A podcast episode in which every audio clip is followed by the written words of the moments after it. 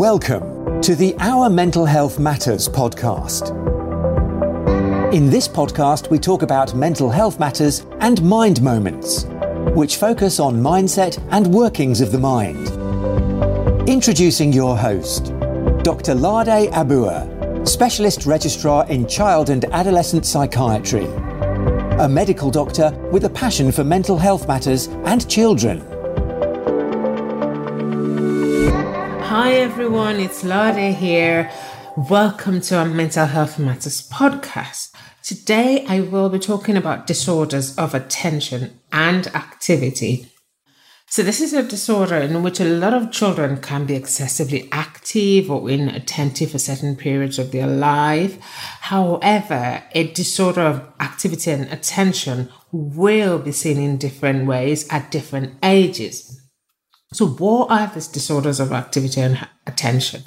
The American Psychiatric Association definitely defines them in combined ways, where there are groups of just attention difficulties present and those where only uh, overactivity and impulsiveness are present. Whereas with World Health Organization classification, which is the one regarded as the international classification of diseases, it's uh, been grouped into this group uh, that's regarded as hyperkinetic disorder. And all three uh, must be present. And when we talk about disorders of attention and activity, follow this classification. Kids that have this would have difficulty with attention, they would have difficulties with activity, and they would also have difficulties with impulsiveness. Now, to go on to this, what can we say causes this? Uh, generally, we say it's a complex condition in which several factors play parts. We can't say categorically this is the cause. Um, we just know some children and adults have what we, we often regard as ADHD or what we regard as ADD. Heritability does play a part. That is uh, genetics. It's generally found uh, more commonly when uh, there's a first, first, like a sibling or a parent with ADHD. The chances of having one is higher. Lifestyle, maternal lifestyle during pregnancy has been found in some research as well to be related to it, not exactly as a cause. Um, so this, this would include things such as smoking and drinking. The other things that have been found to be related to it will be low birth weight. Uh, they found that kids who have low, low, low weight at birth have a higher chance of developing ADHD. And lastly, environmental factors. So we see this in school children, in preschool in schools, it's diagnosed in children, school children, in adolescents, and in adults as well.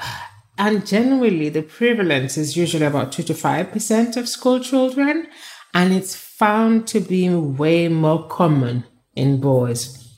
So, how does ADHD or disorders of attention and activity present?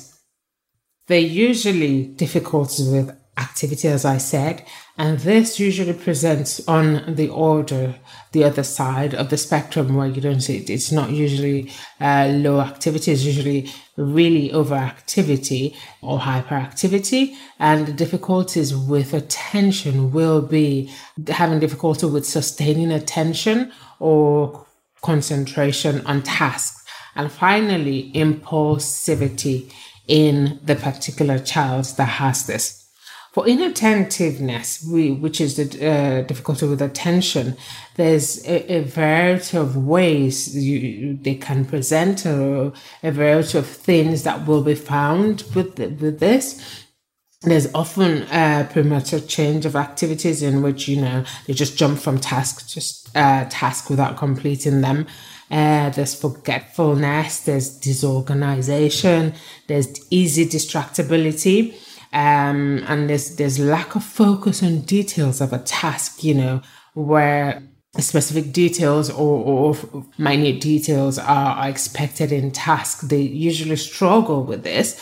Uh, there's poor planning and lack of foresight. There's, you know, difficulty completing tasks and then jumping uh, from one to the other and not seemingly listening, you know, to instructions. It, it's, it's, some for some children, um, the parents often have that concern in, in, in the early stages that is it they have difficulty with hearing because they, they could seem to not be able to uh, listen to instructions.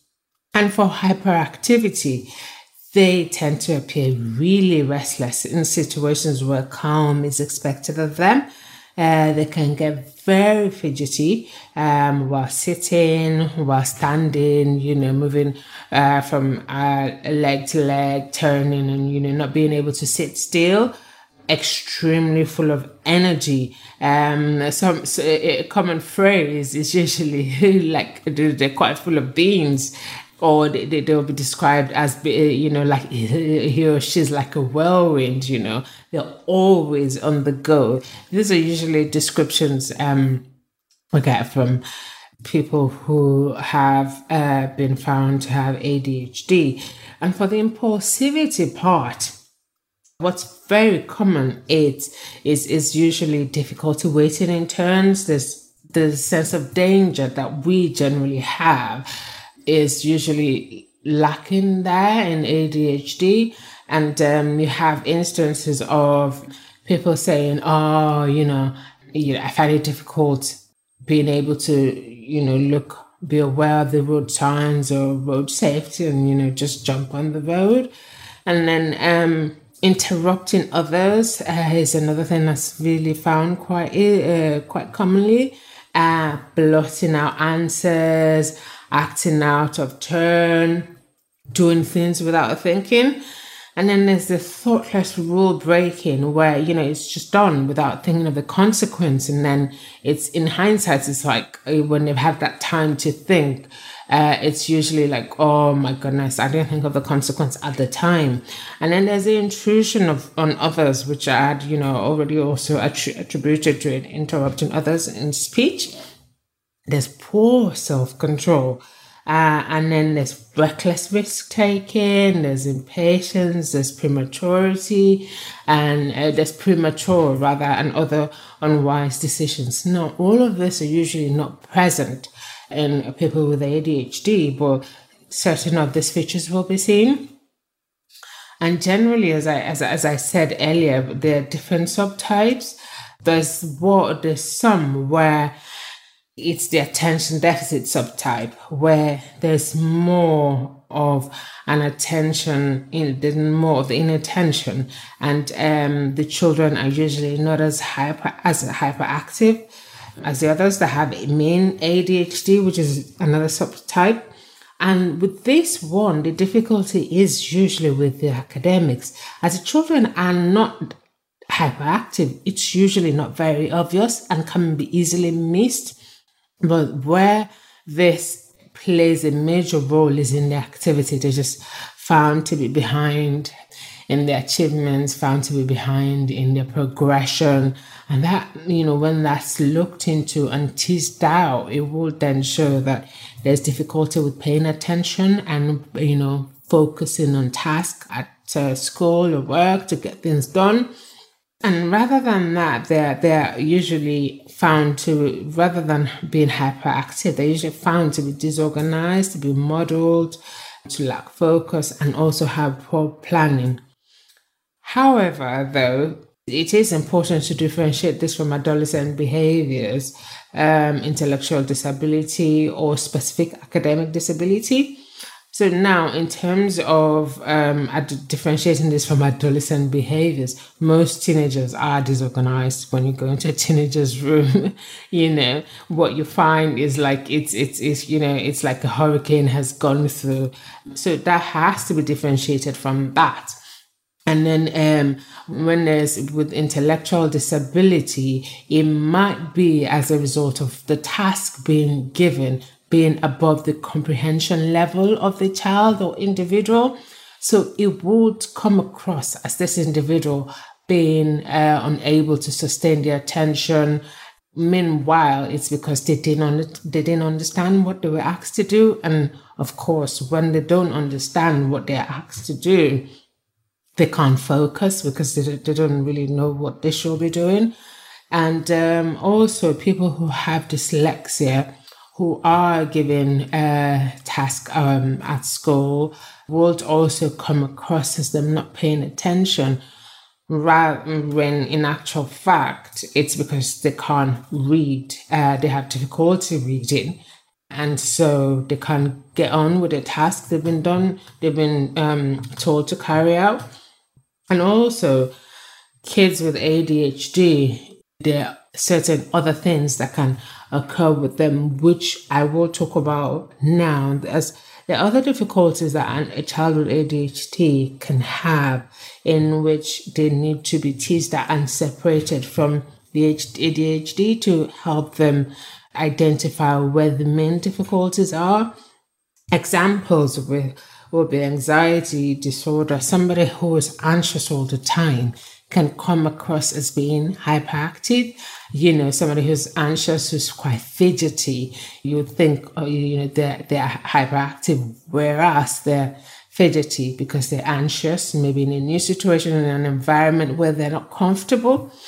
The other one will be uh, autistic spectrum disorder. Certain environments or certain triggers can make kids uncomfortable or make them react in certain ways in which these have to be teased out and ensured that you know this is different from ADHD and uh, this is not the uh, autism spectrum disorder given this feature.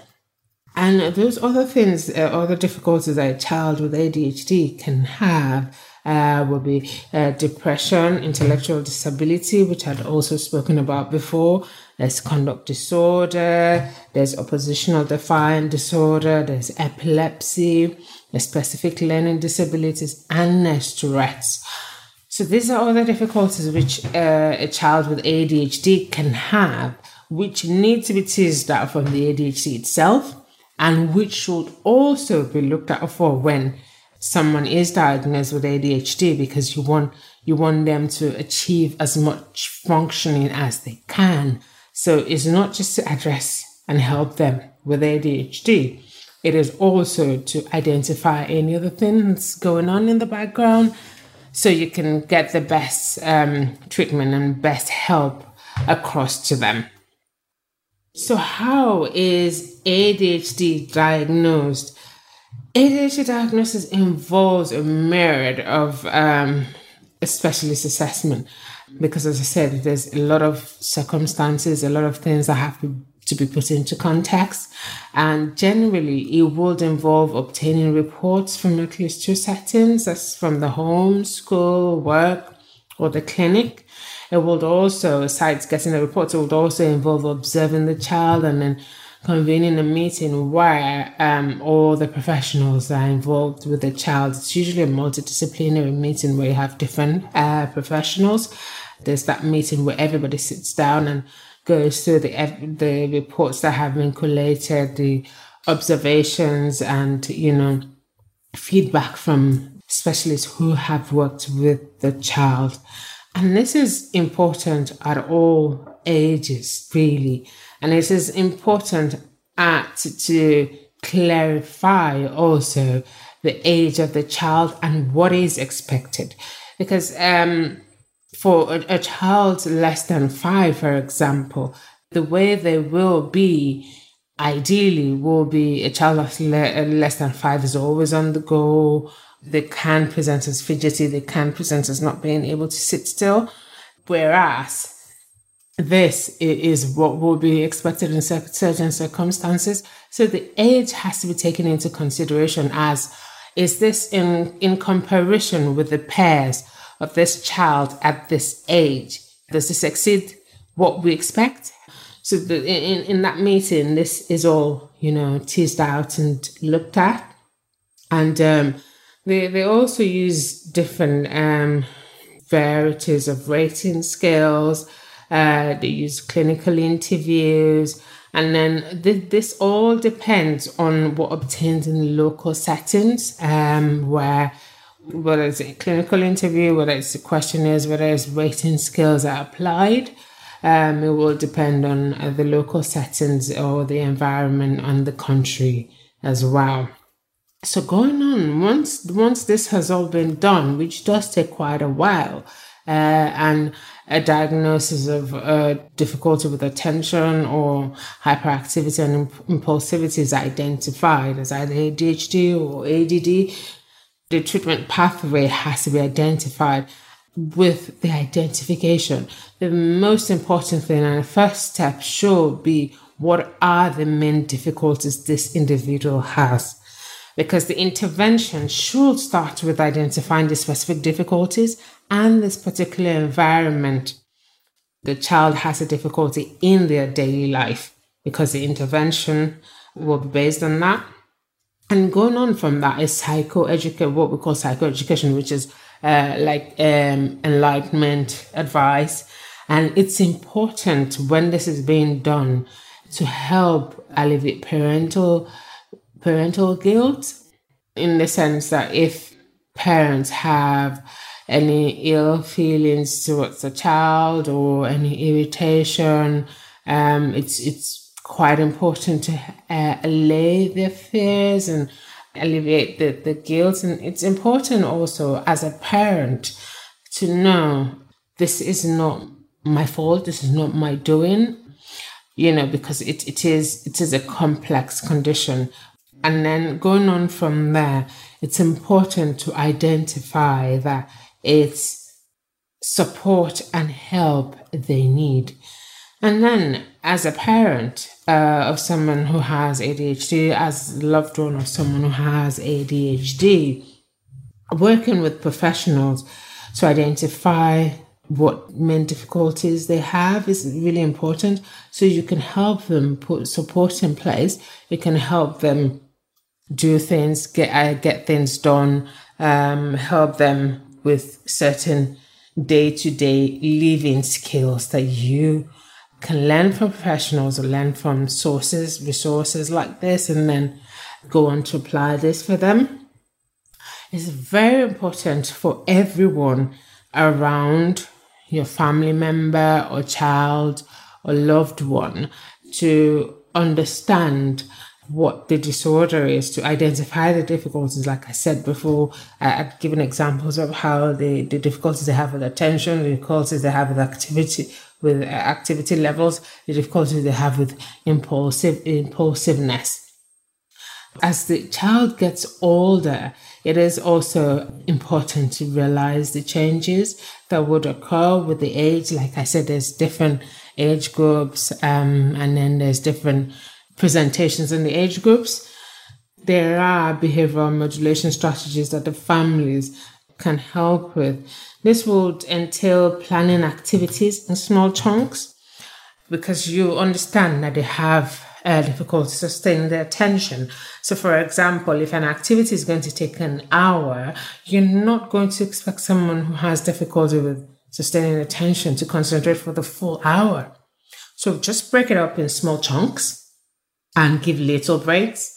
And this also, even if you don't have um, difficulty with attention, I find it a lot easier to break tasks into chunks, take a break, and then come back. It's it's something called the Pomodoro technique, which I have used for a very long time. And I found that when you take a break and then come back, you feel renewed, and then um, you can go on with activities. And then also reward charts, of which not just reward charts, uh, rewards as well. For children, you can use reward charts where, you know, they've been able to sustain their attention for half an hour, they've been able to work with you to stay on a queue, or um, you've been able to go around with them and show them certain skills that they have obtained and developed. Then you put that on the chart. And for older kids or um, adults, just keep a record of the, the, the, the rewards and, you know, how far they've come to encourage them. And also in schools, giving one-to-one support is very important. Um, one-to-one support would help sustain the child's attention. One-to-one support will help children who also have intellectual disability because you can easily pick up if it's one to one, you know, that what this child has is difficulty actually comprehending because they'll ask you, can you explain this further? Because, you know, they can't understand it. And then it starts to become more obvious. And also, the one to one support becomes more obvious that it's as a result of their uh, difficulty with comprehension rather than just the ADHD. And also, uh, the one to one support will help uh, the child to be able to maintain focus. And then the support worker can help to redirect attention when they get distracted. And uh, at school, children may need specific educational support and a plan to be put in place for them for the academic uh, calendar where you know it's it's it's stated uh, specifically for uh, maths lessons for english lessons or based on the individual's needs and difficulties that have been identified a daily diary will be very helpful. This will be very helpful for children. This will be very helpful for adults, you know, especially with the forgetfulness, you know, if, if they have the daily diary or maybe on their phone, on their computers, once they get distracted and they quickly remember, they can quickly get distracted or forgetful. They can quickly get their calendar out and then um, quickly return to task or complete what they were supposed to do. And also for, for parents and kids, it helps um, record the activities and liaise with school. So a child has the daily diary where the, that, that they take into school, where the parents record, where the school teachers record the activities for the parents, and then the child takes home after school, and the parents can go through and see what the activity level has been today, what the difficulties they've had with attention or impulsiveness in school.